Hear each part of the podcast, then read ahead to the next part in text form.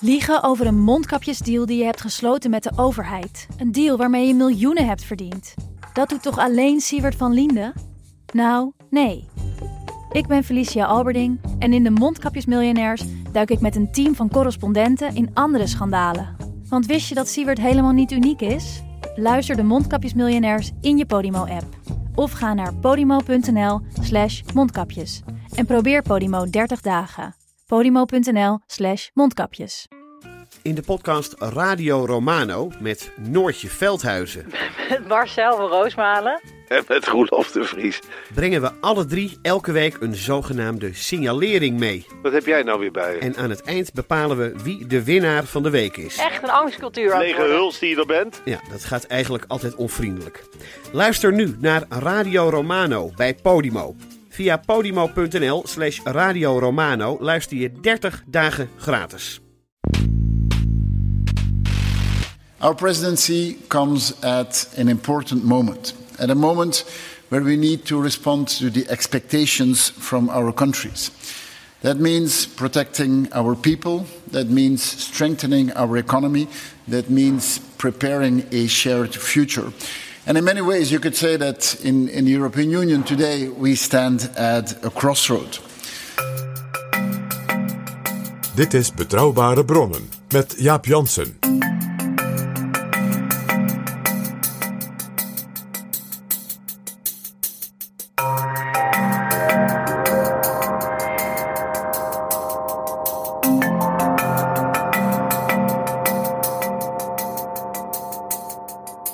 Hallo, welkom in Betrouwbare Bronnen aflevering 391. En welkom ook PG. Dag Jaap. PG, aan het eind van het jaar, dan kijken we altijd eh, vooruit naar het komende jaar. Maar in deze aflevering vooral ook naar het komende half jaar. Want het is weer zover Jaap. Wij mogen weer een land uitdiepen, behandelen en daarna kijken dat voorzitter wordt van de Europese Unie. En dat is dit keer België. Maar PG, België kennen we toch wel? Oh ja, Nederlanders denken dat ze alles van België weten. Zullen we als motto van deze editie nemen: Nederlanders weten en snappen niets van België. En we gaan een kleine poging doen vanuit de historie, vanuit de actualiteit, vanuit de politiek en cultuur, daar iets aan te verbeteren. Maar we gaan het natuurlijk ook over het voorzitterschap hebben en de prioriteiten. Want dat voorzitterschap is op heel veel gronden ongelooflijk spannend en belangrijk. Er is een hele hoop onderwerpen. Nou ja, kijk wat er de afgelopen jaren allemaal op Europa afgekomen is. Dat nu tot een echte afronding moet komen voor natuurlijk de Europese verkiezingen. En het aantreden van de nieuwe Europese Commissie. Ja, de Europese verkiezingen zijn in juni. En daarna, de maanden daarna, vindt de samenstelling van de commissie plaats. En die treedt dan in december aan, nog net voor de kerstvakantie. En om onze luisteraars één idee mee te geven. Hoe gevoelig, hoe politiek sensitief en hoe spannend dat Belgisch voorzitterschap wordt. En hoezeer dus de Belgen al hun vernuft moeten gebruiken. Om dat proces van dat half jaar daarna, dus na die verkiezingen, als we er nu al een beetje gaan managen. Ik zeg alleen welk land België opvolgt als voorzitter. Hongarije. Hongarije. Er zijn mensen in de Europese Unie die zeggen: kunnen we dat niet overslaan, dat land deze keer? Maar wat je daarvoor moet doen, is dan zet je een land zozeer, ja, zeg maar buiten de haken. Dan construeer je in feite een constitutionele crisis in Europa. En dat wil ook niemand. Dus de Belgen krijgen een enorme klus. Ook, Zij- ook politiek, hè, wat ik zei, de sensitiviteit van hoe je dat doet. Dat je als daar ook zo met de Hongaren samenwerkt. Dat de Hongaren in dat Belgisch voorzitterschap worden meegenomen. Zodat ze in hun half jaar niet allemaal rare dingen kunnen gaan doen. Of de kont tegen de krip gooien. Of nou ja, vul maar in. Nou is het voordeel natuurlijk wel dat als je voorzitter bent, zoals straks Hongarije, dat je dan niet heel erg je eigen ding kan doen de hele tijd. Want dan ben je toch vooral ook de verbinder. Maar jij weet ook dat elk land, en dat zal zeker gelden voor een zo ervaren, langzittend premier als Orbán, natuurlijk een aantal onderwerpen heeft waarvan hij zegt, daar gaan wij aan trekken. Interessant, we zagen dat bij alle vorige voorzitterschappen hè, van die verschillende landen die wij al behandeld hebben, hè, van Slovenië en Tsjechië en Kroatië en Duitsland. We zagen het ook bij Spanje. hè, wat, wat nu afloopt, het voorzitterschap. En je zal zien dat ook het Belgisch voorzitterschap nadrukkelijk interessante inhoudelijke accenten zet. Dus daar gaan we ook naar kijken. Ja, Jaap, het Belgisch voorzitterschap heeft nog een bijzonderheid.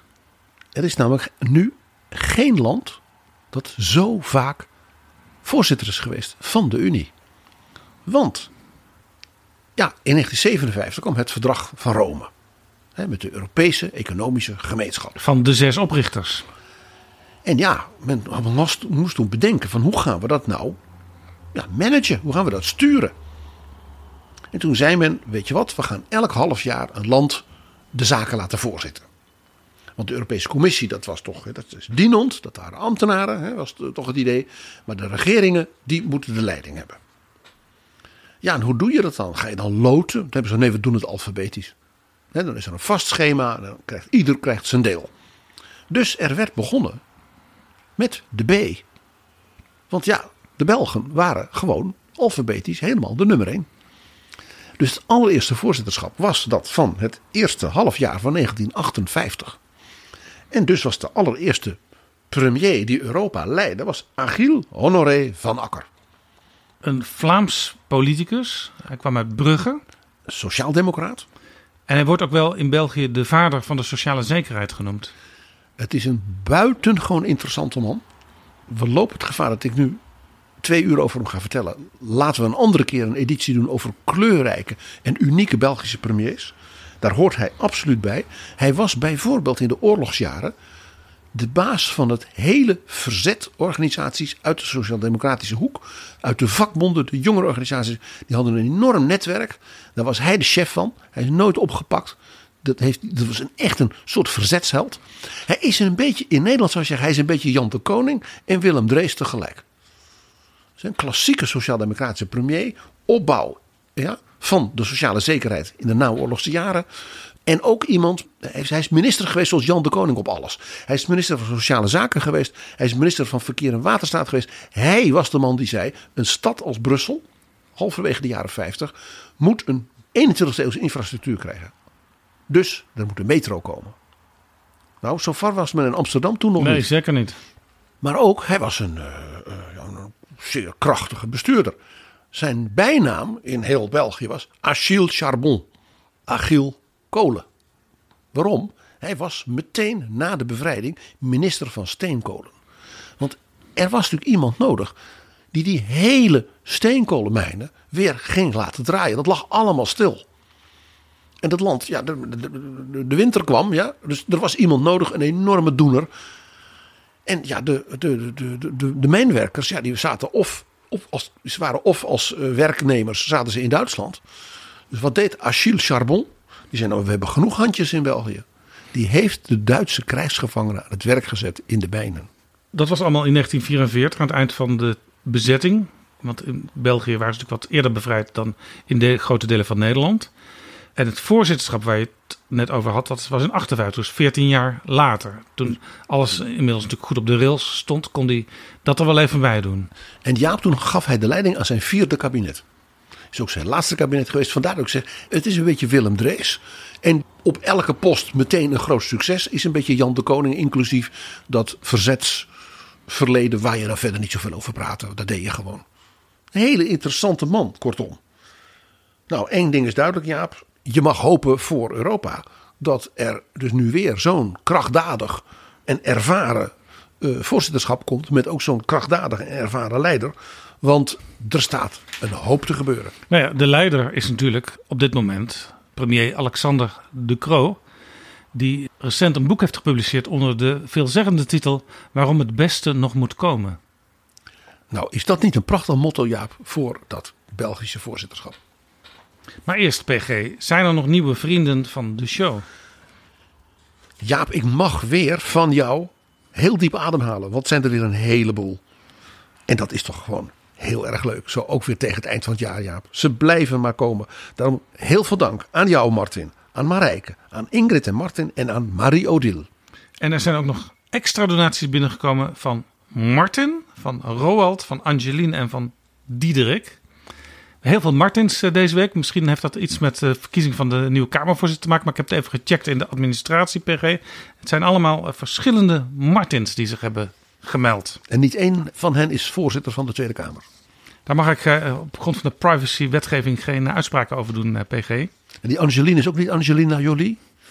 Daar mag ik op grond van de privacy-wetgeving geen uitspraken over doen, PG. Oké. PG, iemand die nog geen vriend van de show is, want hij, hij, schrijft: Ik luister altijd alles en als ik meer geld had, zou ik zeker vriend van de show worden. Dat moet helaas nu nog even wachten. Dat is Guido. En Guido die schrijft ons: Goedendag. Een aantal afleveringen geleden stelden jullie nieuwe opera-concepten voor over grote figuren in de politiek. Goede keuzes, maar ik dacht toen en nu ook weer. Ik denk dat VVD'er Erik van den Burg de allermooist, meest schijnende nieuwe opera zou opleveren. De foto nadat het kabinet was gevallen van hem door een ruit, binnen, hoofd in de handen, kan als de poster. De man in Den Haag, die voelde als titel. Een smashhit en hoognodig. Vriendelijke groet, Guido. Dit is interessant, Guido, want misschien de afgelopen dagen is er nog een extra reden bijgekomen om Van den Burg tot held van een dramatische opera te maken.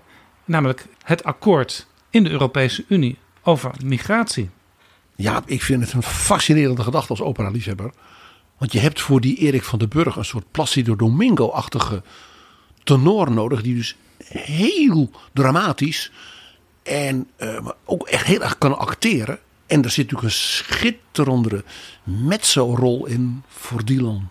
Ja, en het past ook een beetje bij de opera dat je soms even weg bent op een dramatisch moment, zodat je niet in beeld komt. Zoals vorige week, toen er allerlei dingen gebeurden in de Tweede Kamer waar hij niet blij mee zal zijn geweest. En, en eigenlijk nog, nog gruwelijker, het hele kabinet is gevallen op een punt, namelijk asiel en migratie, waar ze dus nu in Europa ja, misschien wel bijna fluitend een, een compromis over hebben gesloten.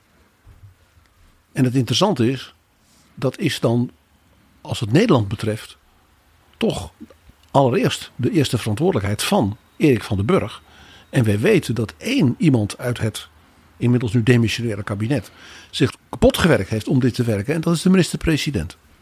Want dat mag ook gezegd worden. Een opera over Erik van den Burg. Ik vind het wat hebben. PG, een paar afleveringen geleden hadden we het over NordVPN. Oh, dat zijn onze vrienden met die handige VPN-verbinding. Ja, erg handig. Ik vertelde toen dat ik in Amerika ontdekte dat ik Nederlandse televisie daar niet kan zien. Terwijl ik graag elke dag even het nieuws at home wil checken. Het kabinet was net gevallen en daar zat jij zonder VPN-verbinding, ja. Ja, en als ik door Europa reis, heb ik die niet nodig, dacht ik. Maar ja, dacht jij? Ik heb NordVPN nu ook in Nederland in gebruik. En het is toch wel erg fijn om nu gewoon BBC iPlayer te kunnen gebruiken. En heel veel programma's uit het BBC-archief te kunnen zien. Bijvoorbeeld Top of the Pops of documentaires over politiek. Of al die prachtige opera's uit Covent Garden, ja. Ja, daarom dus ook NordVPN. Want als je in Nederland dat probeert via de BBC rechtstreeks, dan krijg je dus die mededeling. Hè? U woont helaas niet in het Verenigd Koninkrijk. Een soort tv-Brexit. Ja, en nu weet ik dus dat als ik bijvoorbeeld in Amerika ben, de zenders die daar niet toegankelijk zijn, bijvoorbeeld de Nederlandse uitzending gemist, die kan ik dan gewoon bezoeken met NordVPN. Hartstikke handig. Jij bent overtuigd, Jaap, dat hoor ik al. En dat kunnen ook de luisteraars van Betrouwbare Bronnen zelf proberen bij NordVPN. En doe dat nou voor 9 januari, want dan krijg je ook nog een cadeaubon van Amazon NL erbij. Wat is voor onze luisteraars het adres, PG? Het adres, Jaap, is https noordvpn.com slash bronnen. Ja, het is echt heel fijn, NordVPN. En er zijn ook nog van die kleine voordelen, maar die zijn niet klein. Bijvoorbeeld, je bent veel beter beschermd als je in de horeca of onderweg wifi gebruikt. https noordvpn.com slash bronnen. Dat is het adres. En dat vind je ook online in de beschrijving van deze aflevering van Betrouwbare Bronnen.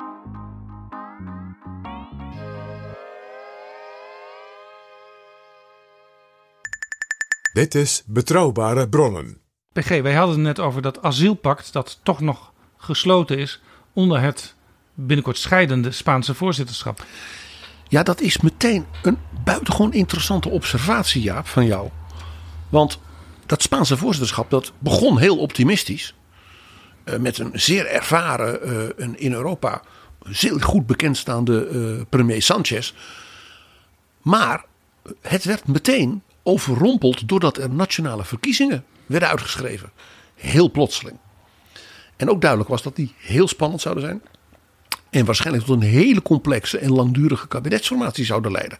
Dat bleek helemaal te kloppen, die voorspelling. En wat hebben we nu gezien? Dat Spaans voorzitterschap moest dus eigenlijk meteen bij het begin zijn plannen enorm gaan bijstellen. Want je kan dan niet alles doen, want je hebt verkiezingscampagne en wat dan niet. En je weet ook niet hoe die campagne uiteindelijk uitvalt. Nee, de- Want dat Sanchez nu nog steeds premier is, was volstrekt niet vanzelfsprekend in de peilingen. En ook niet in de uitslag, want eh, zijn partij werd niet de grootste. Nee, en hij is met heel veel moeite en met allerlei deals die ook zeer omstreden zijn. eh, grote demonstraties ook in Spanje tegen de deal met eh, de, de separatisten. eh, heeft hij dus een soort nou ja, overlevingsmethode gevonden. En ga er maar vanuit dat er over een jaar of zo in Spanje opnieuw verkiezingen zijn. Wat hebben nou die Spanjaarden gedaan? Die hebben dus waarschijnlijk een hele slimme strategie gevoerd. Een strategie die bovendien heel leerzaam is voor de Belgen. Want ook de Belgen gaan in hun half jaar nationale verkiezingen beleven. Die waren al gepland. Maar goed, dat betekent ook dat het Belgische voorzitterschap die extra belasting heeft. Nou, wat hebben die Spanjaarden gedaan? Die hebben gedacht, wat moet in elk geval, daar gaan we ons op richten. Alle andere dossiers, we proberen ze, weet je, wat vooruit te helpen. Maar wat absoluut nodig is, zijn twee fundamentele dingen. Wij moeten voor de Europese verkiezingen dat asielpact nu toch echt tot een eind brengen. Men, in juni was al duidelijk dat zeg maar de, de grote lijnen daarvan nu toch zo langzamerhand er wel waren. Het ging dus nu om de finesses, om de invulling en natuurlijk om de laatste krachtmetingen. Ja, Dus de Spanjaarden hebben gedacht, dit gaan we doen. Ook al omdat Spanje natuurlijk enorm belang ook zelf heeft bij een oplossing op dit punt. Ja, kleine voetnoot. Jij zegt in juni waren ze er al flink mee bezig. Toen is het nog niet gelukt om tot akkoord te komen, maar het zag er wel naar uit dat dat mogelijk zou lukken. Op dat moment eh, werd in Nederland eh, het kabinet opgebroken. Precies op dit punt. Ik denk dat we nog in de evaluaties die we de komende maanden gaan krijgen. Misschien zelfs al in de kabinetsformatie die nu gaande is onder informateur Plasterk. Hier nog wel eens over nagedacht gaat worden. Ja, Want het nieuwe kabinet bijvoorbeeld zal zich dus moeten verhouden tot dat nieuwe asielpact. Dat wordt dus politiek heel pikant. Ja, want het zijn ook twee zijden van, van, van dezelfde munt natuurlijk. Eh, Het Nederlandse beleid en het Europese beleid, dat grijpt in elkaar. Zie jij het voor je, Jaap? Er treedt een kabinet aan met daarin een belangrijke rol voor de PVV. En dat als het ware bij de regeringsverklaring moet zeggen: wij willen een saluut brengen aan de socialistische regering van Spanje.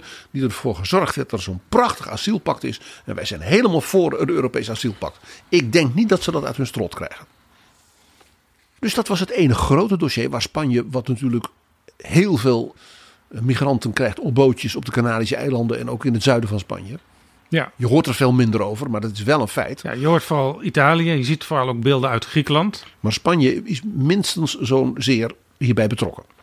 Dus ze hadden er ook gewoon zelf belang bij hieruit te komen. Hier heeft op een rare manier Vladimir Poetin, Sanchez en de Europese Commissie enorm geholpen.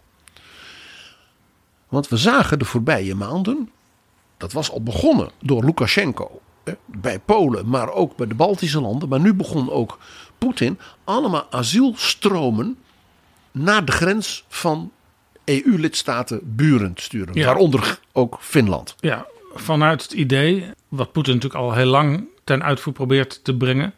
Als we maar zoveel mogelijk verwarring en ontregeling organiseren in de Europese Unie. En ook eh, die landen een beetje tegen elkaar opzetten en zo. Dan is dat in ons belang. Dus niet redeneren vanuit je eigen kracht.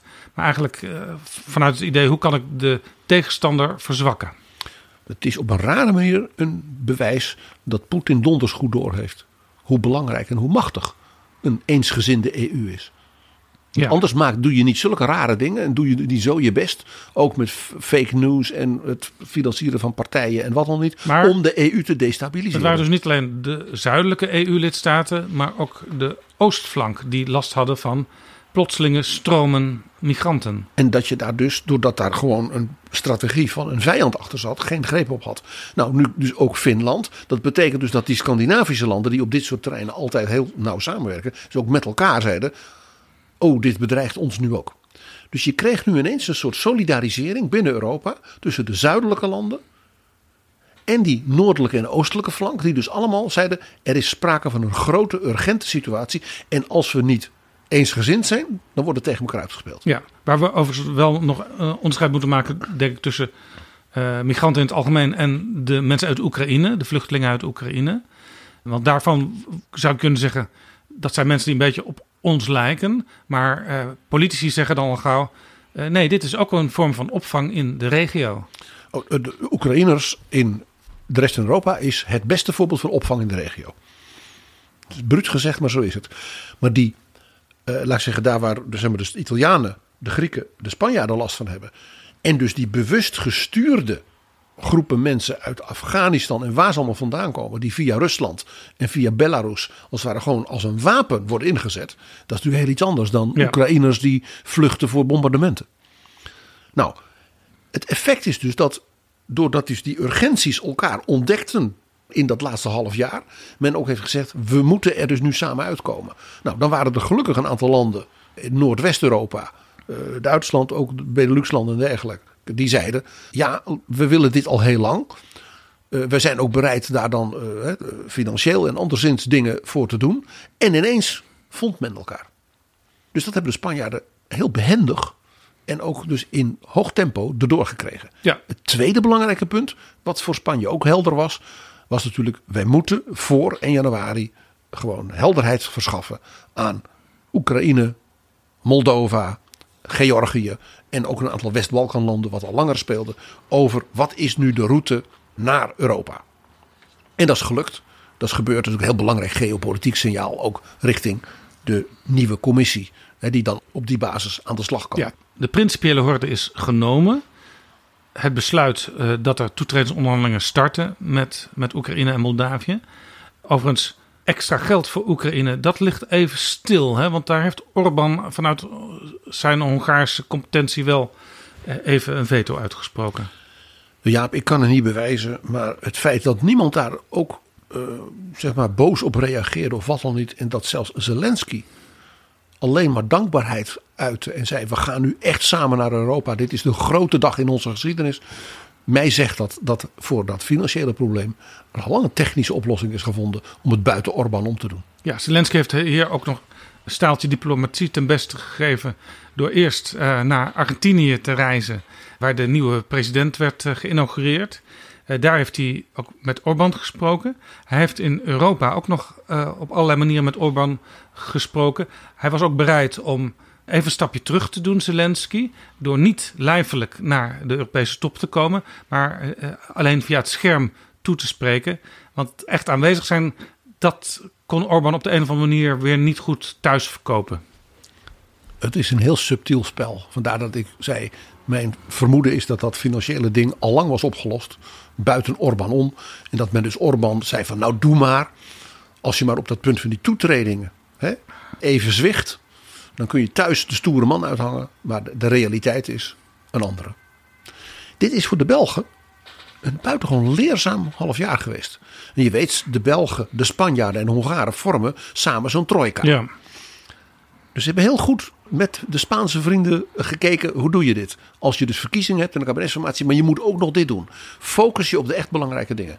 ja, één groot ding wat nog afgelopen week onder leiding van de Spanjaarden is geregeld, is een akkoord over de nieuwe begrotingsregels. Landen met een hoge staatsschuld krijgen meer tijd om die schuld te verlagen.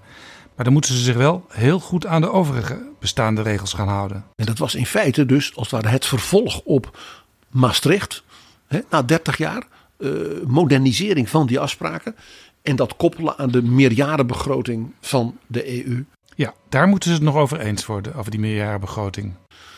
Dit is nu typisch iets, denk ik dan, voor het Belgisch voorzitterschap. Want dit moet voor de verkiezingen, ook voor de nieuwe commissie, natuurlijk wel gedaan zijn. Ja, hier heeft België trouwens wel, wel een, een, een probleempje als het gaat over financiële degelijkheid. Hun eigen begrotingstekort volgend jaar stevend af op 4,9 procent. Dat zit dus ver boven die 3 procent tekort die je eigenlijk via de bestaande Europese regels mag hebben. En uh, ja, de schuldenberg van een land uh, mag niet meer zijn dan 60% van het bruto nationaal product. Nederland zit daar fors onder. En in België is dat op dit moment 106,4 procent. Oh Jaap, dat is een aanzienlijke teruggang dus. Want het is in België wel eens meer dan 120 geweest. Nou ja, de, dit is overigens wat premier De Croo zelf ook zegt als hij daarna gevraagd wordt. Hij zei in Knak bijvoorbeeld op 13 december. Onze begrotingen zagen er de voorbije twee jaar telkens een procent beter uit dan wat de Europese Commissie had voorspeld. Het is perfect mogelijk om die begroting in de volgende jaren in orde te brengen. Hier klinkt een premier vol zelfvertrouwen. Ja. Nou, dat is eigenlijk ook wel het kenmerk een beetje van De Croo. Zijn boek heet, ik noemde het straks al, Waarom het beste nog moet komen. En dat eerste exemplaar is onlangs ook in ontvangst genomen door Mark Rutte, die natuurlijk zelf ook de positivo bij uitstek is. Dus daarin herkennen ze elkaar zeer. En het is natuurlijk een citaat, dat zal Mark Rutte onmiddellijk herkennen, van Ronald Reagan. America's best years still have to come. The best is yet to come. En, en uh, ik vond ook nog een interview in uh, Humo van afgelopen week met de premier. Uh, waarin die op een vraag van de journalist die eigenlijk de dingen voorlegde die in België spelen, die voor ons als Nederlands ook heel herkenbaar zijn.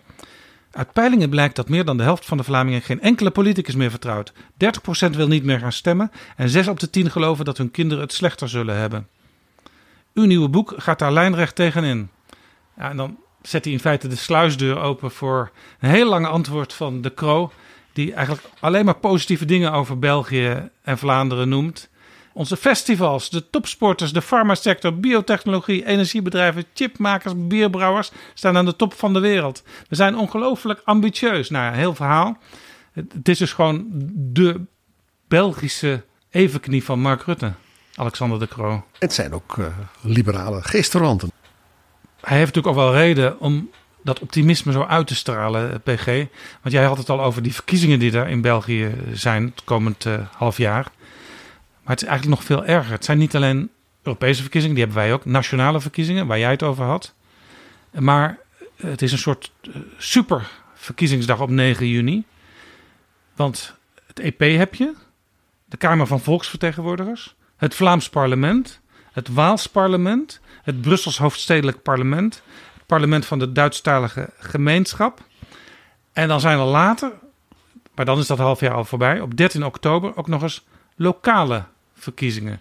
Dus het hele jaar staat in het teken van verkiezingen. Dat is nog veel extremer dus dan wat de Spanjaarden het afgelopen half jaar hebben meegemaakt. Het is wat de Duitsers noemen een superwaaljaar. Ja, maar dan alle reden om nog eens even te kijken, om het als het ware voor uh, Alexander de Croo en zijn staf nog erger te maken. Uh, welke controversies er zijn, die zij in het komend half jaar, ja, waar ze toch echt iets mee moeten doen. Want ja, Europa verwacht veel van België. Als dat maar niet leidt tot een boek. Het ergste moest nog komen. Nou ja, in elk geval, als het wel lukt, dan eh, worden zijn memoires natuurlijk nog dikker, Jaap. We zullen eens beginnen met de eerste grote, voortdurend weer lastige ding. En dat is natuurlijk Viktor Orban. Ja, die blijft natuurlijk uh, als een zwaard van Damocles boven alles hangen in Europa. Maar, je hoort mij al zeggen, Jaap, maar de Belgen zullen dus het eerste voorzitterschap zijn dat hiermee moet gaan werken. De positie van Orbán is ernstig verzwakt. Want dat Oekraïne-verhaal, we hadden het er net over met het Spaanse voorzitterschap. Hij heeft uiteindelijk moeten zwichten.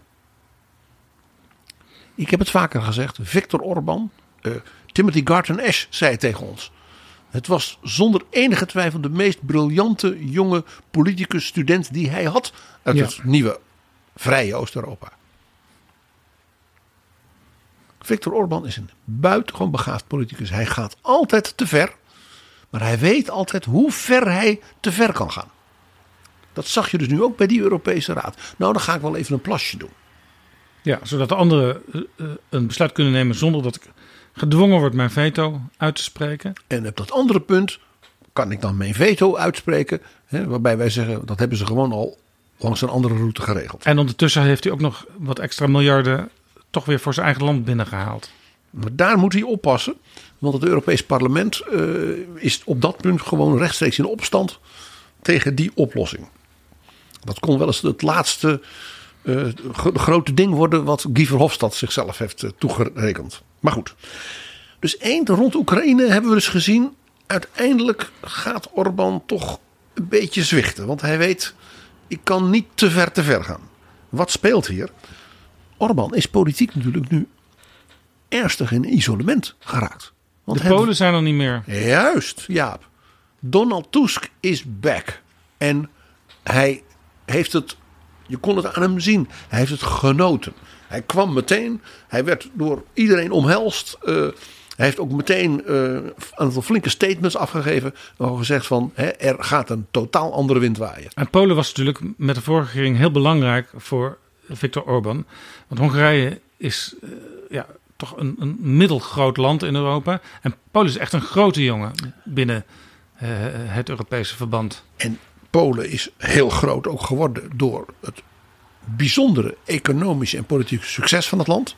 Dus het is echt een succes economisch, ook voor Europa als geheel dus. Maar ja, daardoor wordt Polen ook machtig. En door uh, de oorlog in Oekraïne is Polen natuurlijk ook geopolitiek machtig geworden. En desondanks hebben de kiezers gezegd: maar we willen die regering niet meer. We willen Donald Tusk. Dus Orbán is zijn grote beschermheer, want dat was Polen wel een beetje kwijt. En je ziet het ook dat dus de landen die vaak dan met Polen en Hongarije meededen, denk aan Slovenië, uh, Slowakije, die hoor je helemaal niet meer.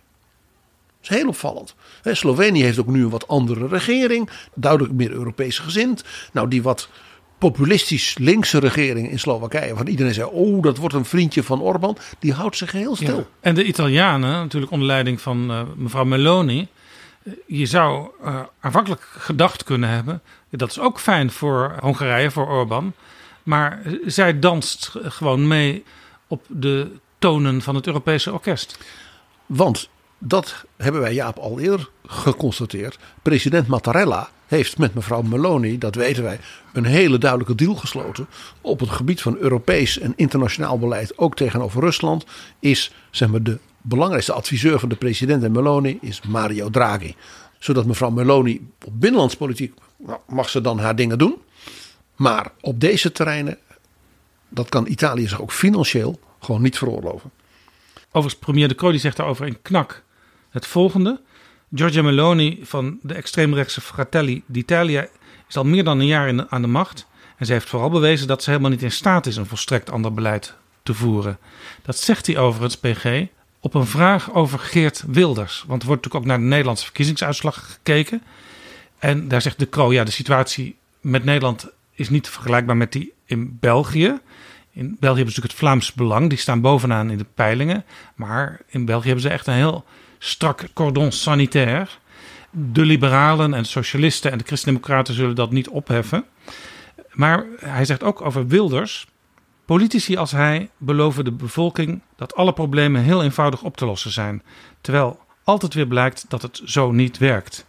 En hij zegt er nog bij: Ik zou trouwens niet met Wilders willen regeren. Dus dat is wel een waarschuwing misschien aan de vrienden van de VVD in Den Haag. En de vergelijking hier van de praxis van Giorgia Meloni met de pretenties van Giorgia Meloni is daarom des te interessanter ook voor Nederland. Dus heel interessant wordt hoe Alexander de Croo met dus die nieuwe, meer geïsoleerde positionering van Orbán die dus echt een nieuw fenomeen is, mede door de overwinning van Tusk, hoe hij daarmee als voorzitter in dat eerste half jaar omgaat.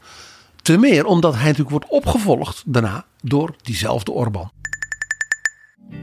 PG, wist jij dat Triodos Bank hun klanten de keuze geeft wat er met hun spaargeld gebeurt? En een keuze in welke richting, ja? Welke duurzame kant jij op wil.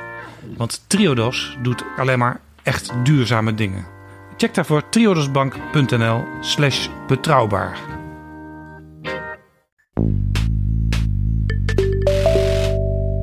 Dit is Betrouwbare Bronnen, een podcast met betrouwbare bronnen.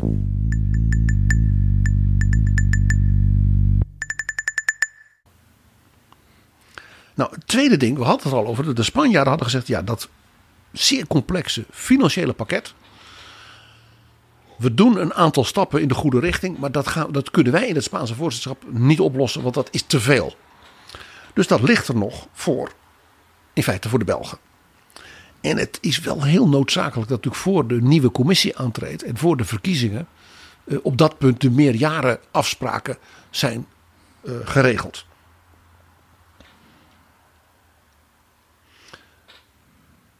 Daarbij komt dat in die discussies, uh, laat ik zeggen, de voorzet van Spanje, die was nuttig, maar heeft nog niet tot echte afspraken geleid.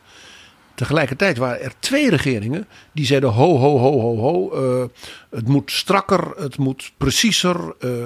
We kunnen niet maar zomaar geld uitgeven. En wie waren dat? Dat waren Olaf Scholz en Mark Rutte. Maar ja, hier moeten de Belgen hun finesses toepassen. Want zowel Scholz als natuurlijk zeker Mark Rutte heeft natuurlijk een zeer verzwakte positie in Europa. Doordat Scholz binnenlands enorme begrotingsproblemen heeft. Het heeft maar een haartje geschild of uh, de regering was in stukken gevallen een aantal weken geleden. De Duitse regering. Nou, en Mark Rutte, uh, die natuurlijk altijd graag met zijn Chopin-biografie naar, naar, Brussel reist, is natuurlijk een premier die zo langzamerhand wordt uitgezwaaid. Dus ook hier weer kan de Belgische premier misschien een aantal goede dingen in beweging zetten, maar dit vereist finesses. Nou, is er heel mooi. Er is iemand in België en die staat hier helemaal klaar voor. En dat is natuurlijk iemand die iedere Nederlander kent. Dat is Vincent van Petergem. De minister van Financiën. En vicepremier van de Belgische regering. Zou elke Nederlander hem kennen? Als hij het goed doet, over een half jaar wel. Want jij weet wat men in Europa en ook in België noemt. Je hebt vaak in dit soort situaties een loodgieter nodig. Dat was de bekende bijnaam van de legendarische Belgische premier Jean-Luc Dehane. De loodgieter. Nou ja, PG Vincent van Petergem die heeft aan de Universiteit Gent toegepaste economische wetenschappen gestudeerd. Dat is al een plusje. En zijn proefschrift behelst Multimode Resource Constraint Project Scheduling Problem, Meta-Heuristic Solution Procedures and Extensions. Nu jij weer. Jaap, dit klinkt als de ideale man om dit soort Europese technische financiële problemen op te lossen. En ik heb nog een ander signaal waarom Van Petergem wel eens kon verrassen. Hij heeft namelijk het afgelopen jaar, in het kader ook weer van dus die Belgische financiële perikelen en die staatsschuld en dat soort dingen, gedacht, ik moet weer iets bedenken om uh, dat, dat tekort te vullen. Dus dan heeft hij een zogenaamde staatsbon uitgeschreven. Waarbij dus de, Belgische burgers heel eenvoudig een stukje staatsschuld konden kopen. En dan kregen ze een percentage uh, rente van de Belgische staat die aantrekkelijker was dan ze op hun spaargeld bij de banken kregen. Want hij wilde daarmee de banken onder druk zetten de rente voor burgers te verhogen. Ja, banken zijn natuurlijk onafhankelijk, vinden ze zelf. Maar een regering kan wel druk uitoefenen. En dat deed hij dus langs deze omweg. Maar wat gebeurde er? Er heeft zich niet een miljard of 3, 4, 5. Er heeft voor 22 miljard hebben Belgische burgers gezegd: Oh ja hoor, dat wil ik. Dus de staatsbon, ook wel de Petergembon genoemd, was dus een enorm succes. Nou, dat leidde ertoe dat men zei: kan dat niet vaker? Het bleek dus dat burgers zeiden van: wij hebben heel veel vertrouwen in dat de Belgische staat en dus deze minister dat gewoon heel goed doet en dat we onze centjes ook terugkrijgen. Ja, dat is interessant, want je ziet ook af en toe demonstraties met leuzen als België barst en zo. Mhm. Van, de, van de Vlaamse separatisten. En in Wallonië denken ze soms ook op hun manier over de andere kant van het land. Maar blijkbaar de individuele burger heeft er nog wel vertrouwen in. Ja, dat bleek hieruit. Dat was dus een verbijsterend succes. En nu gaat het gerucht, Jaap, want ja, er zijn in juni verkiezingen, dat in het voorjaar er misschien wel een tweede Petergem-bon zal worden uitgeschreven met opnieuw dus een aantrekkelijke voorwaarden voor de Belgische burgers. Dus eh, Vincent van Petergem is een behendig en creatief politicus en ja, met dat proefschrift, jij zei het al. Uh, ik denk dat hij kon wel eens een grote verrassing worden. Als hij erin slaagt dus die financiële perikelen op te lossen. Als ik naar de prioriteiten van het voorzitterschap kijk. PG. Uh, dan staat deze financiële toestand er niet eens uh, bij vermeld. Nee, dat is heel interessant, Jaap. Het Belgische voorzitterschap heeft als het ware een soort specifieke uitwerking gemaakt voor hun half jaar. En dat is als het ware een uitwerking van het pakket van die drie landen. De trojka. Ja. Dus Spanje, België, Hongarije. En in feite ook uh, toch gewoon een toefje op de taart die natuurlijk al gebakken is door de Europese Commissie. En de regeringsleiders die dat met elkaar afspreken. Dus dit zat als het ware als een heel belangrijk thema in dat pakket voor die drie. Ja, prioriteit nummer één is, daar heb je het weer, de rechtsstaat, de democratie en de eenheid van Europa verdedigen. En daarbij wordt in een heel interessant klein zinnetje gezegd: onderdeel daarvan is ook een Europese garantie voor de pluriformiteit van de media. Ik hoorde hier zowel Donald Tusk van dat gaan wij in Polen even heel hard aanpakken. Ze zijn ook al begonnen met een sanering van de publieke omroep. Die volledig gepolitiseerd was in Polen. En dit is natuurlijk ook een waarschuwing aan Orbán. En misschien ook zelfs wel aan Slowakije. En misschien ook wel aan Geert Wilders, die ook niks heeft met publieke omroep. En uh, het is misschien ook nog interessant, omdat in Nederland natuurlijk nog een besluit moet worden genomen over uh, de overname van RTL door de Belgische grote krantenmagnaat. En de vraag is een beetje of dat niet te veel macht voor één conglomeraat gaat geven. Dus als je in de krant leest, de Belgen nemen RTL over, dat is nog maar de vraag of dat echt gaat gebeuren. En of zich dat verdraagt met deze principiële lijn van de Belgische regering precies, voor Europa. Precies. Spannend, ja. Nou, wat ook een heel opvallend punt is, en dat hebben wij zelf in Betrouwbare Bronnen een tijdje geleden al, ja, ik zal maar zeggen, gesnoven. Dat we zeiden, hé, hey, dat thema dat duikt weer op. En dat is de verdere versterking van de sociale pijler onder de interne markt. En als ware ook de doorgroei daarin van de interne markt en het vrije verkeer in Europa. Want nu werd inderdaad uh, in dit programma van de Belgen gezegd: ja, wij gaan uh, de sociale dialoog in Europa weer een boost geven. Dat moeten we meer doen. Het is de verjaardag van de eerste grote bijeenkomst van de sociale dialoog in Europa. Het, het grote idee van Jacques Delors. En men gaat in datzelfde kasteel.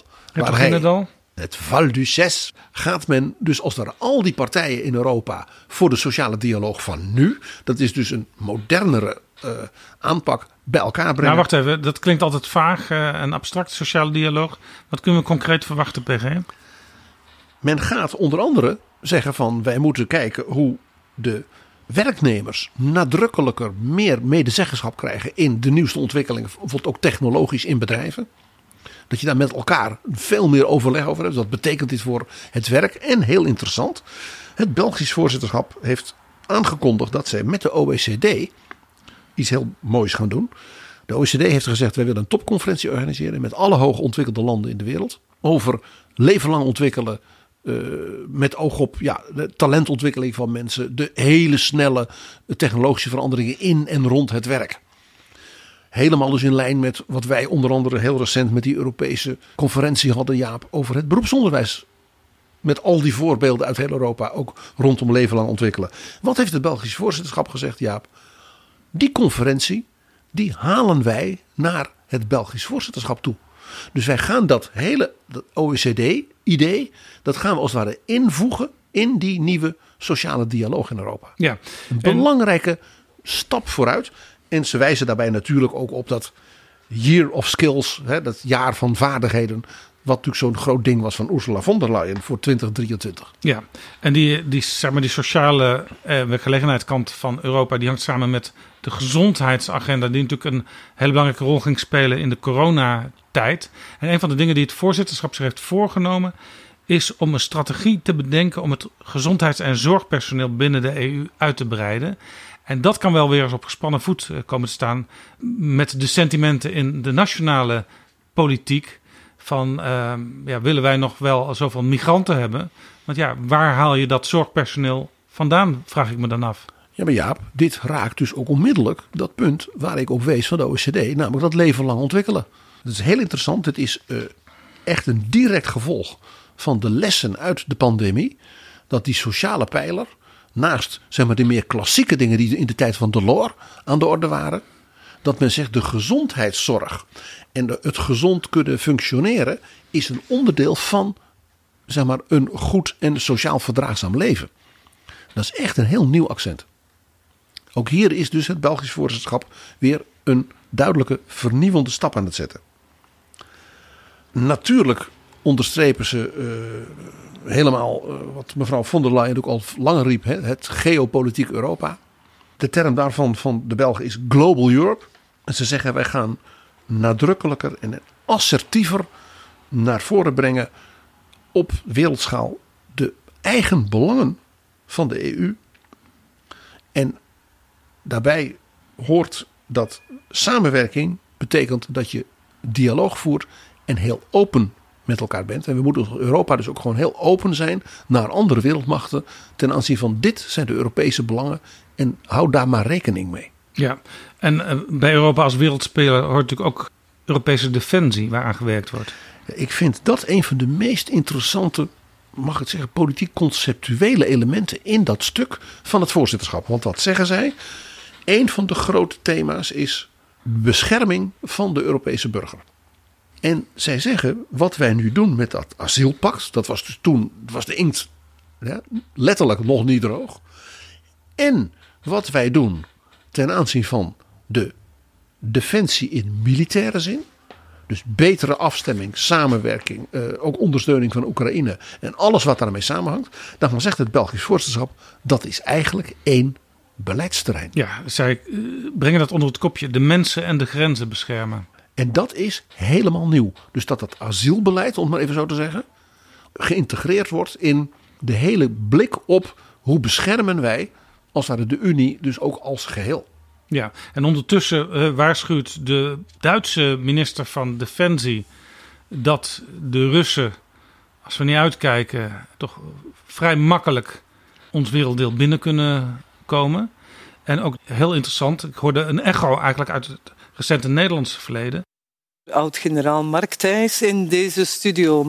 Als er vandaag een oorlog uitbreekt, ik denk het Belgisch leger na een aantal uren moeten we met stenen beginnen werpen. Okay. Met stenen beginnen? We hebben geen munitie meer.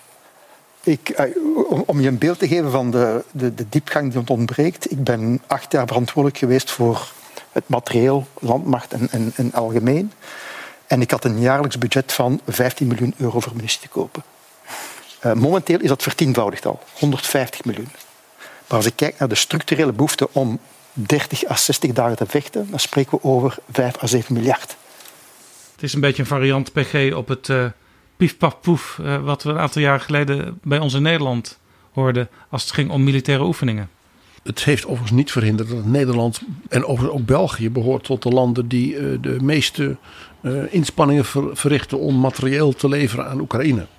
Dus ik zou op dat punt ook weer niet al te negatief doen, zal ik maar zeggen. Nee, maar goed, dat gebeurt inmiddels uh, in Den Haag wel. Want Geert Wilders zegt, uh, wij hebben uh, zelf geen spullen meer. Dus we moeten maar eens stoppen met dat uitleveren aan Oekraïne van al het materiaal. Kortom, ook hier weer het komend half jaar zal dus dat Belgisch voorzitterschap direct impact hebben op Nederland en de kabinetsformatie. Bij dat Global Europe thema zit er een zeer ook weer interessant nieuw accent in het voorzitterschapsdocument. Jij weet, de EU heeft gezegd tegenover dat Belt and Road, hè, die zijderoute van Xi Jinping, willen wij een Europees soort antwoord ja. formuleren. Met z'n allen. Dat gaat om, wat is het, 300 miljard aan investeringen die dus de EU met andere landen in de wereld kan doen. In het kader van, nou ja, innovatieve logistieke, alle mogelijke eh, projecten, ook in de mobiliteit en dergelijke. Dat is een groot succes aan het worden. Een van de beste voorbeelden ervan is dat Giorgia Meloni nu openlijk heeft gezegd dat Italië niet meer mee wil doen met die zijderoute van China. Ja, ze stappen eruit. Wat zegt het voorzitterschap over het komend half jaar? Ze hebben gezegd, nou wij willen kijken of wat zo goed werkt van die Global Gateway, want zo heet dat project van de EU, of we dat niet kunnen integreren in alle andere zeg maar, beleidsterrein. Het is nu nog als het ware een soort project naast hè, de rest van het beleid, want het is een heel nieuw element. Maar ze zeggen, ja, het is nu twee jaar gaande. Eh, we gaan een soort interim bijeenkomst organiseren.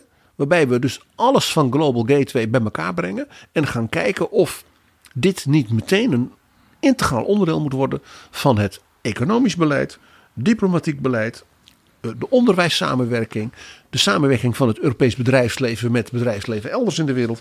Dat dat altijd goed is aangeschakeld bij dat Global Gateway project met dus landen in heel de wereld. Ja, en heel belangrijk, uh, PG, we hebben het al een beetje daarover gehad onlangs in ons gesprek over het Europese klimaat- en energiebeleid. Trouwens ook een van de speerpunten natuurlijk weer van het Belgische voorzitterschap, de groene en de rechtvaardige transitie, zoals zij het noemden. Maar een van hun andere speerpunten is het concurrentievermogen van Europa versterken. En dit heeft natuurlijk het te maken met waar wij het ook met uh, Noé van Hulst over hadden. Namelijk de directe impact van de Inflation Reduction Act van Joe Biden op Europa. Ja, want de Cro die zei in de standaard het risico bestaat dat de industrie Europa de rug toekeert. We moeten de industrie helpen om de doelstellingen van de Green Deal te realiseren. Het investeringsklimaat moet aantrekkelijker. En dan kijkt hij inderdaad naar zoals Joe Biden dat heeft aangepakt. En we moeten eindelijk werk maken van een Europese kapitaalmarkt. En daar gaat een uh, rapport over komen. Ik dacht uit mijn hoofd in maart. Dat wordt geschreven door twee Italianen, oud-premiers, Enrico Letta en Mario Draghi. Ook hier weer zie je, is dus een heel belangrijk punt. Waarbij dus dit voorzitterschap ook meteen met dit soort dingen natuurlijk de agenda voor die volgende Europese Commissie voor die volgende vijf jaar mee helpt invullen. Het zegt nog iets, ja. Global Gateway, het antwoord op Xi Jinping, het advies van Draghi en Letta. wat ik zei, de, de klus die Vincent van Petergem moet doen. Een nieuw Nederlands kabinet kan helemaal niet achter de dijken zich verschuilen. Want als je hier dus gewoon niet bij aanwezig bent, dan ben je dus helemaal niet in het belang van Nederland bezig. Nu we het toch over het belang van Nederland hebben, Jaap. Er is natuurlijk één onderwerp dat het land van Tintin... Kuifje. ...natuurlijk nooit los kan laten als een belangrijke toekomstprioriteit. Ruimtevaart. Ik zat het stuk door te nemen en ik dacht, het, het, ja hoor, daar kwam die. Space stond er. Heel interessant. Het Belgische voorzitterschap zegt van... er zijn een aantal hele belangrijke nieuwe thema's voor het Europees ruimtevaartbeleid. En één daarvan is we hebben natuurlijk over alle mogelijke Europese satellieten. Hè? Je hebt het Galileo-systeem en wat dan niet. Wat we niet hebben is een Europese samenwerking op het wat ze noemen cyber resilience. Dus dat die Europese satellieten, dat die dus voldoende beschermd zijn tegen bijvoorbeeld cyberaanvallen. Dat kan natuurlijk geen enkel land op zijn eentje. Dus het is een heel belangrijk nieuw thema. Dus ze zeggen ook, we hebben natuurlijk die Europese ruimtevaart heel erg nodig voor het meten, bewaken, monitoren van klimaatverandering. Maar het is ook van belang met oog op uh, de defensie. Hè, zie uh, Oekraïne. Kortom, zegt het Belgisch voorzitterschap, er komt een midterm review in het voorzitterschap op initiatief van de Belgen van het Europese lange termijn Space Program. En we gaan kijken welke basis wordt gelegd voor de toekomstige initiatieven en ontwikkeling van het ruimtevaartprogramma. Nou, Nederland heeft op dit punt natuurlijk met het hoofdkantoor van de Europese ruimtevaart in Noordwijk ja. en de Nederlandse zeer hoog ontwikkelde ruimtevaartindustrie. Denk aan Dutch Space, denk aan Airbus, die zitten allemaal in Nederland. En die, dat is allemaal heel vaak sterk gericht op de high-tech ruimtevaart. Dus ook hier weer de gedachte dat Nederland achter de dijken zou kruipen. Vergeet het maar.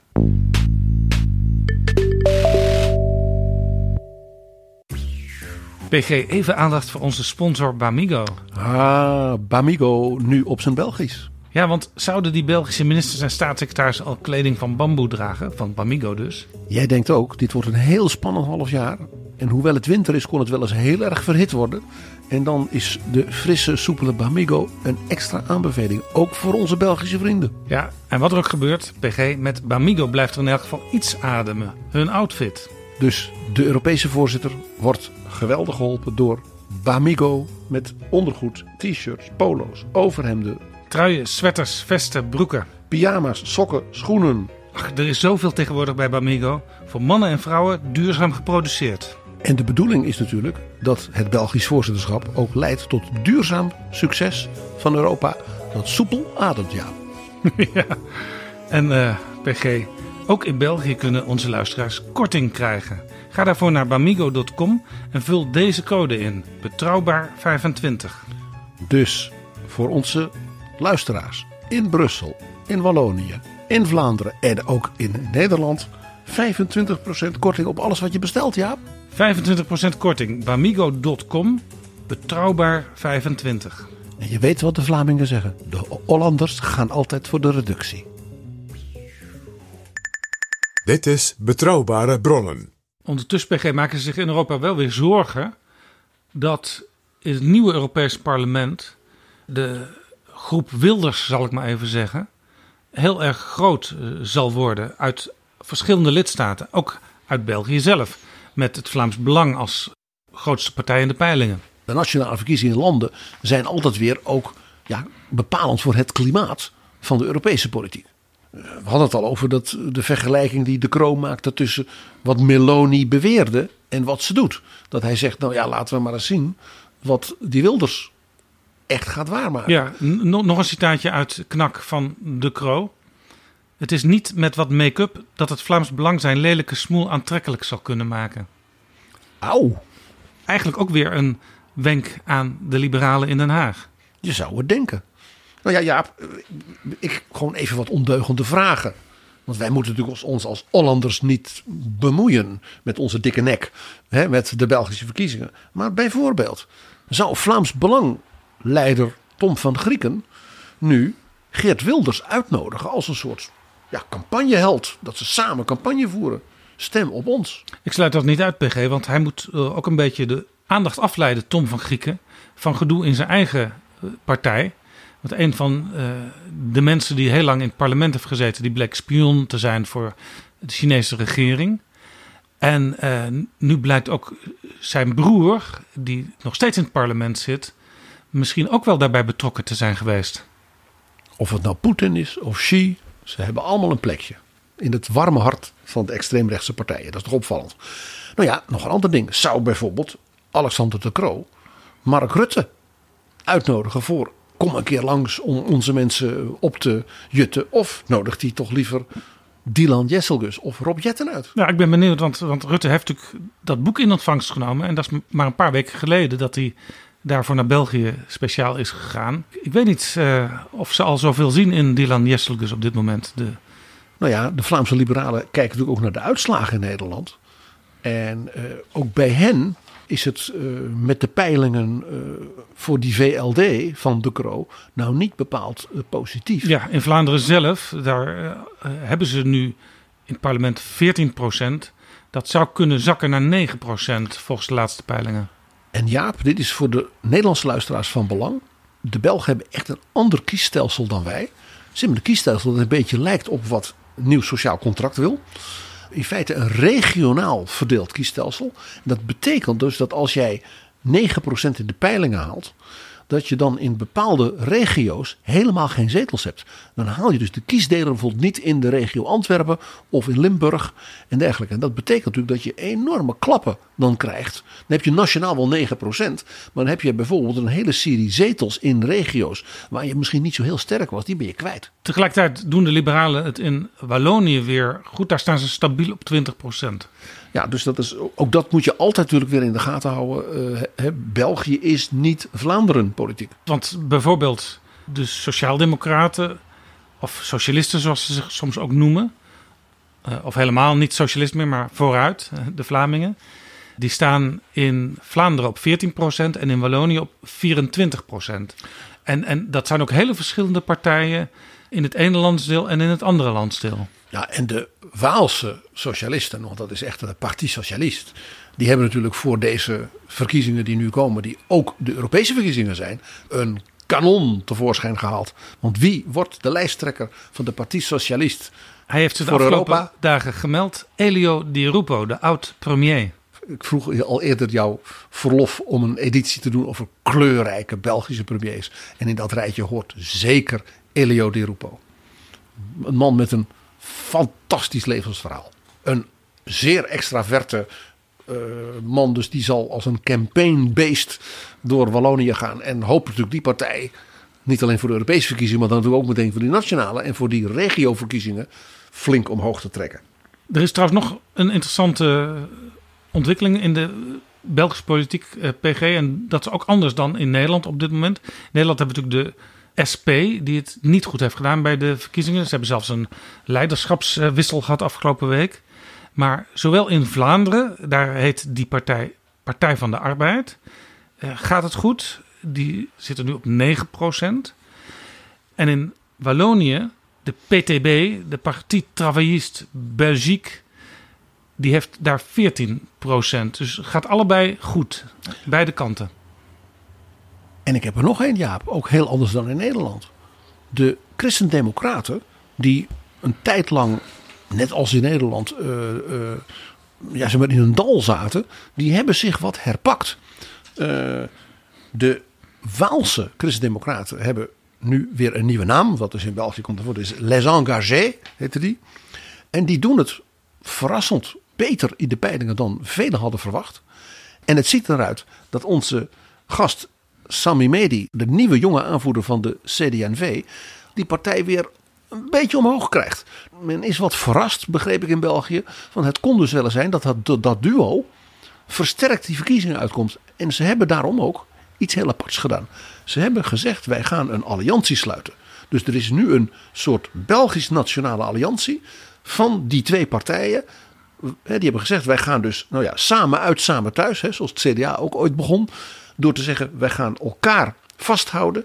Ook in eventuele uh, kabinetsformatie. Want we willen versterkt weer aan de bak. Een opmerkelijke ontwikkeling. Wat uh, overigens de, de Groenen in België uh, ook vaak doen. En die SP-achtige partij ook.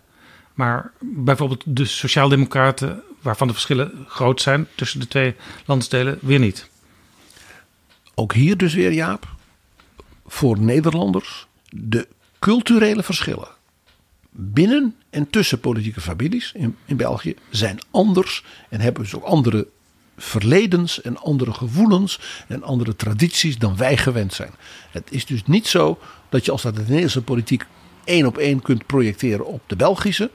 En je moet al helemaal niet de fout maken dat je denkt dat Vlaanderen de Belgische politiek is. Hoi, ik ben Alexander Klupping. Ik weet dat jij, net als ik, met heel veel plezier luistert naar betrouwbare bronnen. Maar je zou Jaap en PG echt helpen als je nu vriend van de show wordt. Dat kan met een donatie per maand of per jaar. En dan kunnen ze nog veel meer afleveringen maken en zeg nou zelf, dat wil jij ook. Dus ga nu naar vriendvandeshow.nl slash bb en doe het niet straks, maar nu.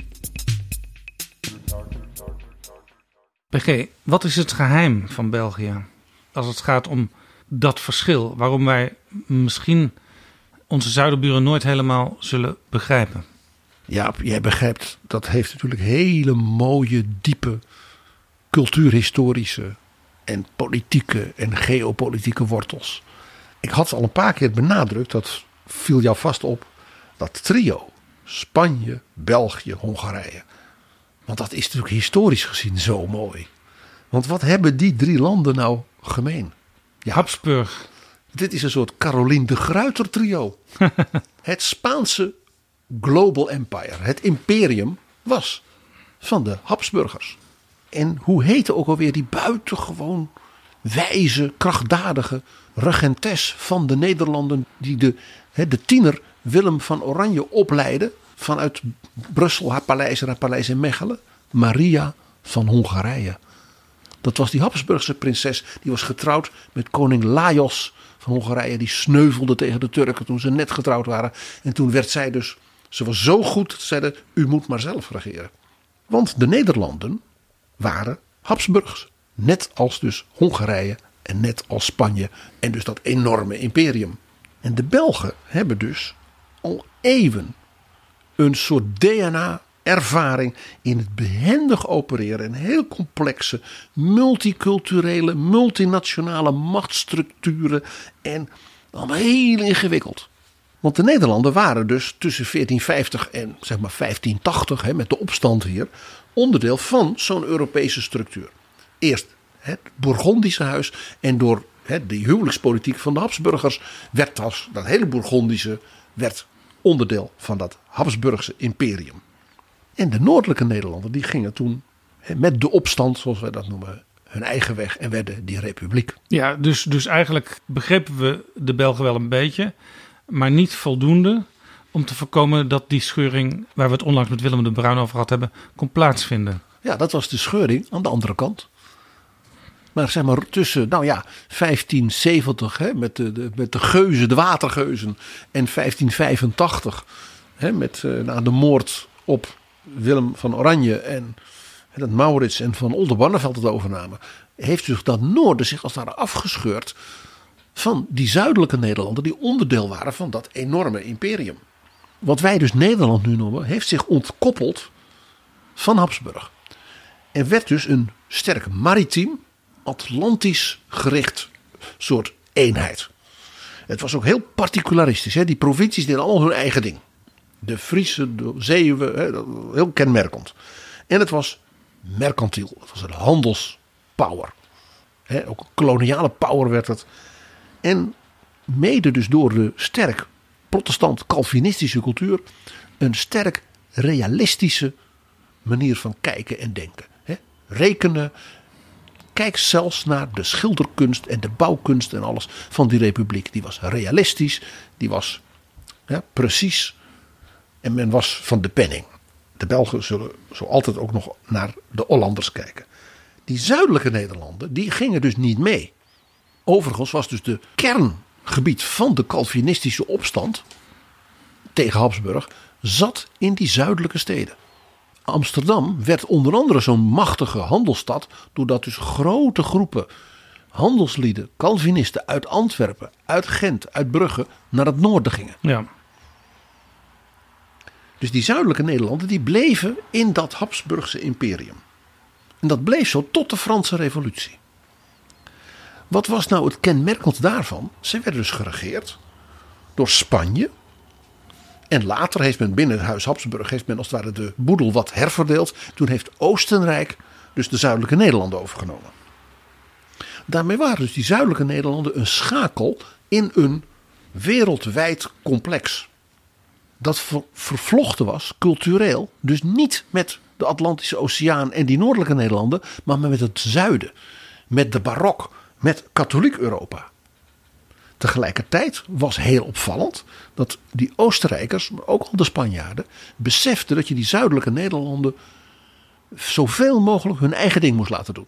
Dus de autonomie van wat wij dan later België zijn gaan noemen, binnen dat imperium was vaak heel opvallend. Ja, Ze hadden dus vaak een Oostenrijkse of Spaanse prins of prinses, als wij zouden zeggen stadhouder, die liet hen als het ware een hele hoge mate van autonomie. En wat je dus zag, was dat België eigenlijk al eeuwenlang een soort lidstaat was binnen dat complexe, multiculturele, politieke geheel van het Habsburgse imperium. Men had dus ook een hele complexe relatie altijd met Madrid en met Wenen.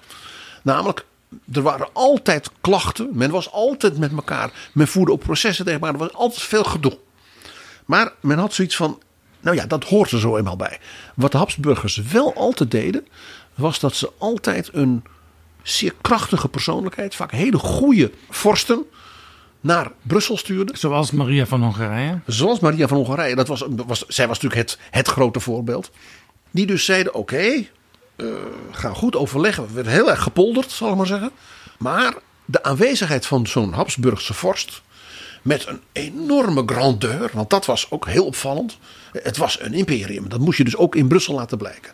Dat was ook een bevestiging van dus de wederzijdse loyaliteit. Dus de autonomie die de Belgen hadden, dat was de prijs voor, maar je moet wel loyaal zijn. En hè, we, we blijven wel bij elkaar. En daardoor waren die zuidelijke Nederlanden, anders dan die noordelijke Nederlanden, zo ja, cultureel zo, zo, zo, zo opulent. Amsterdam was natuurlijk ook fantastisch, maar het was toch wat Calvinistisch. Dat moest allemaal wat ingetogen. Dat was het natuurlijk in de zuidelijke Nederlanden niet. Dat was grandeur, dat was barok. Eh, dat, nou ja, Wenen, Spanje, Italië. Daar lijkt het vooral op. Ja. Wat dus ook natuurlijk een enorme invloed heeft gehad. Dus tot het culturele verschil tussen die vroeger als Nederlanden zo bij elkaar horende provincies. Dus dat noorden werd steeds noordelijker. Hè, en kreeg zijn heel eigen republikeins-calvinistische cultuur. En het zuiden werd als het ware steeds zuidelijker.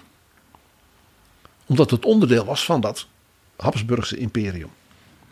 En Jaap, er is in die geschiedenis van dus die zeg maar, Zuid-Nederlandse barokke eh, grandeur, cultuur, een, een dramatisch moment. Dan hebben we het over 1731.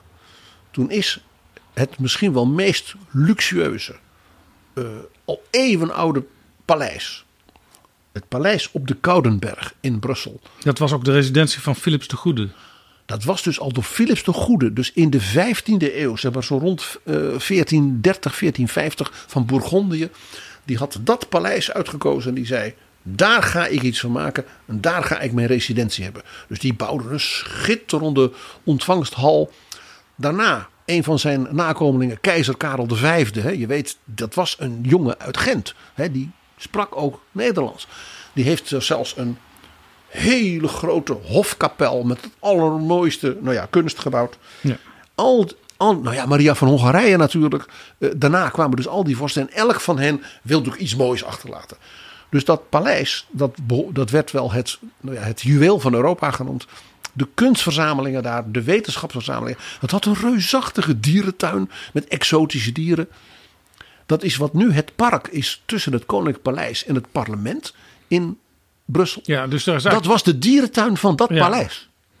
En van, van dat paleis is niks meer terug te zien? Niets, Jaap. Het is in 1731 volledig tot de grond toe afgebrand. Eh, er is zelfs niet mogelijk, eh, als het ware, een soort nou ja, staat op te maken van wat daar allemaal aan schilderijen, aan kunst, aan eh, juwelen en wat dan niet allemaal verloren is gegaan. Ja, en in die tijd, als brand uitbrak, dan, dan fikte het ook goed. Hè? Er was veel meer hout en zo. In, in- Dat. Er zijn heel veel kleurrijke verhalen en verslagen. Want het was natuurlijk een van de. Nou, het was het nieuws in Europa. De brandweer van Brussel had het probleem dat de garde van dus de vorst zo benauwd was dat eh, de bevolking van Brussel het paleis massaal zou overvallen om de zaak helemaal leeg te plunderen. Dat dus de garde de mensen te- tegenhield en daarmee dus ook de brandweer tegenhield. Oh. Nou ja, kortom, het is een van de, even de grote zeg maar, rampen in de Europese Ja, geschiedenis hadden ze nog beter wat kunnen laten jatten en het paleis kunnen behouden misschien. Jaap, ja, als kunstliefhebber denk je, ja, nou ja, dan hebben er een paar inwoners van Brussel hadden dan misschien een van de nog zilveren, zilveren lepel meegenomen. Eh, ja, ja, het is niet anders, het is niet anders. Toen dus de brand voorbij was, stonden alleen de muren van die statiezaal van Philips de Goede, de Aula Magna. Die stonden nog als het ware min of meer overeind, maar verder was alles weg. En delen van de hofkapel van keizer Karel. Ja. Maar PG, eh, die, die brand heeft niet kunnen bewerkstelligen dat die hele eh, Habsburgse cultuur Nee. uit het zuiden van de Nederlanden verdween. Nee, want wat hebben ze gedaan? Ze hebben in de decennia daarna kwam er een, een, een nieuwe Oostenrijkse vorst. Dat was de prins van Lotharingen. Dat was dus de broer van de echtgenoot van keizerin Maria Theresia. Want dat was Frans van Lotharingen. En zijn broer werd dus de chef in Brussel. En die heeft gezegd, ja, die enorme ruïne, dat is toch verschrikkelijk. Deze prachtige stad. En die heeft gezegd, dan maar tabula rasa. Die heeft dus dat alles wat er nog aan ruïne stond in één keer tegen de bodem gegooid. Heeft in feite een heel nieuw stuk van de stad ontworpen. Dat is wat je nu nog ziet. Met het Koningsplein en alles. Dat is allemaal in die laat 18e eeuwse stijl. Is ook een deel van zijn paleis heeft hij als het ware een nieuwbouw gepleegd. Dat is nu een museum voor moderne kunst. Ja. Maar Jaap, er is in de 19e eeuw een soort gebouw neergezet, een soort hotel. Dat is nu een museum voor de Belgische geschiedenis. Maar in dat museum, dus dat is een tip van mij aan onze luisteraars. In dat museum zijn ze gaan graven. En ze hebben ontdekt dat van dat gigantische paleis op de Koudenberg, het juweel van Europa, alle kelders daar nog onder zitten. Want alles erboven was afgebrand. Ja, daaronder is niks meer gebeurd. En in die kelders kun je dus nu dwalen. Dus dat museum heeft een soort ondergronds Brussel. En dan loop je in de restanten van het meest waanzinnige luxe prachtpaleis dat Europa in die tijd had. Men heeft dat dus pas veel later, heeft men, is dat besef doorgedrongen van, maar we, hieronder zit nog een, een, soort, een soort stad. Ja, dus, dus het paleis op de Koudenberg, als je eh, dat terug wil vinden, bovengronds is het niet meer, maar ondergronds. Een hele wereld. Nog wel. En dat is natuurlijk, Jaap, ook heel symbolisch. He, ondergrond, onder België, zit nog altijd dat Habsburgse imperium. Dat draagt nog altijd onzichtbaar wat het land is. En hoe het dus nu met Spanje en met Hongarije, als het ware een soort klein Habsburg in Europa mag gaan doen. Dus ik zat te denken, wat zouden we nou voor het eind van dit jaar, ook als wens voor onze Belgische vrienden en ook zeker al onze Belgische luisteraars, mooier kunnen doen dan iets heel Habsburgs, ja. Ja, wat zou het zijn? Nou Jaap, wat denk je? Mozart misschien? Heel goed Jaap. Wat is er Habsburger hè, dan Mozart van de 18e eeuw? En wat heeft hij onder andere voor een van de keizers van het Habsburgse Rijk niet een fantastisch muziekstuk geschreven? Namelijk de mis voorbij de kroning van deze keizer Leopold. De beroemde Kreuningsmessen. Die heeft hij, toen was hij nog jong, heeft hij gecomponeerd in 1779 en is toen in 1791 bij die kroning hebben ze gezegd dat gaan we uitvoeren. Zo mooi is dat. En het slot daarvan is een glorieus geschreven koorstuk. Dona nobis pacem. En wat kun je Europa beter wensen en ook onze Belgische vrienden. Heer, geef ons vrede. We horen de Wiener Philharmonica onder leiding van Herbert von Karajan. In de Sint-Pieter in Rome bij een mis door de Poolse paus. Europees, dat kan je toch niet krijgen, ja.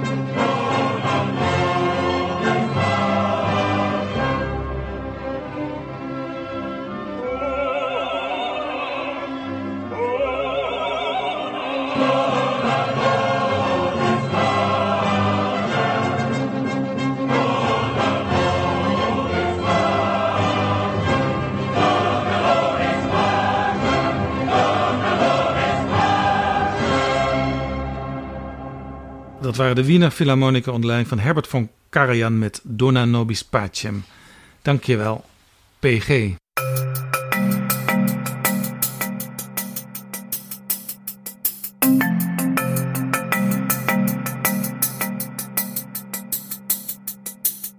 Zo, dit was Betrouwbare Bronnen aflevering 391. Deze aflevering is mede mogelijk gemaakt door de vrienden van de show. Wil jij ons helpen met een donatie? Ga dan naar vriendvandeshow.nl slash bb. U bent zeer welkom. We wensen iedereen alvast uh, fijne dagen. En vlak voordat het nieuwe jaar aanbreekt, dan hoor je nog een nieuwe aflevering van Betrouwbare Bronnen. Want we hebben toch in die loop van de jaren, Jaap, enige tradities opgebouwd. En één daarvan is dat we vlak voor oud en nieuw vooruit gaan kijken naar het nieuwe jaar, maar vanuit de historie. Tot dan, tot volgende keer. Betrouwbare bronnen wordt gemaakt door Jaap Jansen in samenwerking met dag en nacht.nl.